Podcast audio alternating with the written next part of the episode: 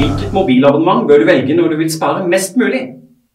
Hei, jeg er Gjerknakken Rune fra gjerknakk.com, og i dag skal jeg snakke om noe som kjapt kan spare deg for mange hundrelapper hver eneste måned. Det er faktisk sånn at nesten 90% av alle mobilabonnenter bruker Telenor eller Telia, de dyreste mobiltilbyderne som finnes.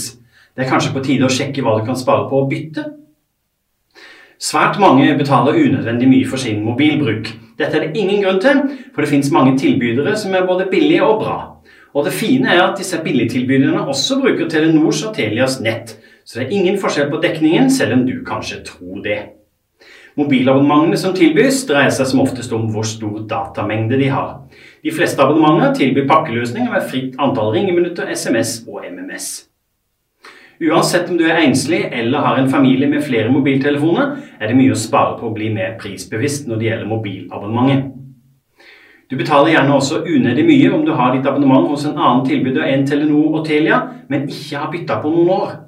Du, du, blir nemlig ikke alltid automatisk oppgradert når selskapene forbedrer tilbudene sine, og det gjør de hele tida.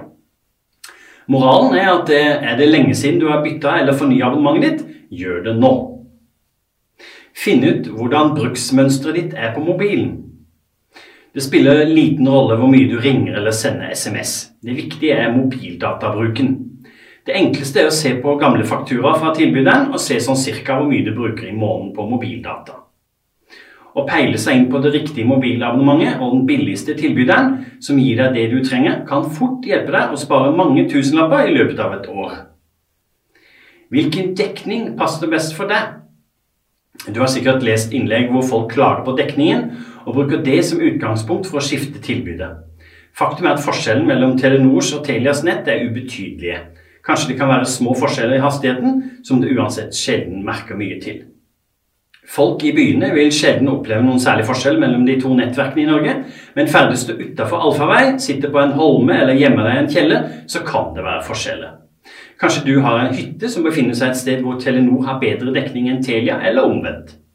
Hvis du mener å kanskje ha testa og sett at det er forskjeller, bør du selvsagt sjekke om tilbyderen din bruker Telia eller Telenor.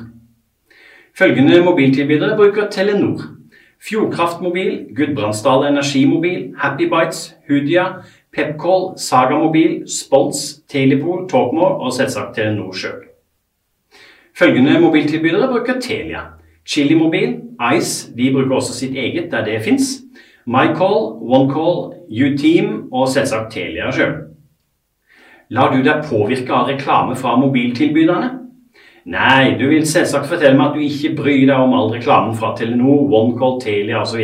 Men faktum er at underbevisstheten din jobber mot deg.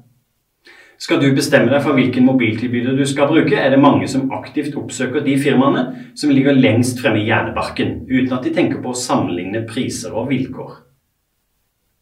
Det fins en rekke sammenligningstjenester på nett for deg som vil finne ut av hvilket abonnement du bør velge.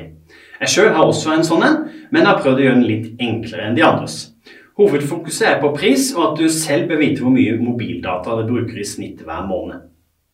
En viktig ting du bør legge merke til, hva skjer med overforbruk? Før du bestemmer deg for hvilken mobiltilbyder du skal velge, kan det være et godt argument å vite hva som skjer dersom du bruker opp datakvoten. Blir du automatisk fakturert for en høyere pakke, eller blir hastigheten begrensa? Mitt sparetips til deg samling priser. Mitt råd til deg som vil spare penger på mobilabonnementet, er relativt enkelt. Sjekk min prissamlingsside på jerknatt.com, og velg det abonnementet som passer best for deg. Takk for meg. Dersom du likte dette innlegget, håper du har lyst til å ta en titt på nettsida mi, jerknatt.com, og ellers følg med på sosiale medier som YouTube, Facebook, Snapchat og Instagram.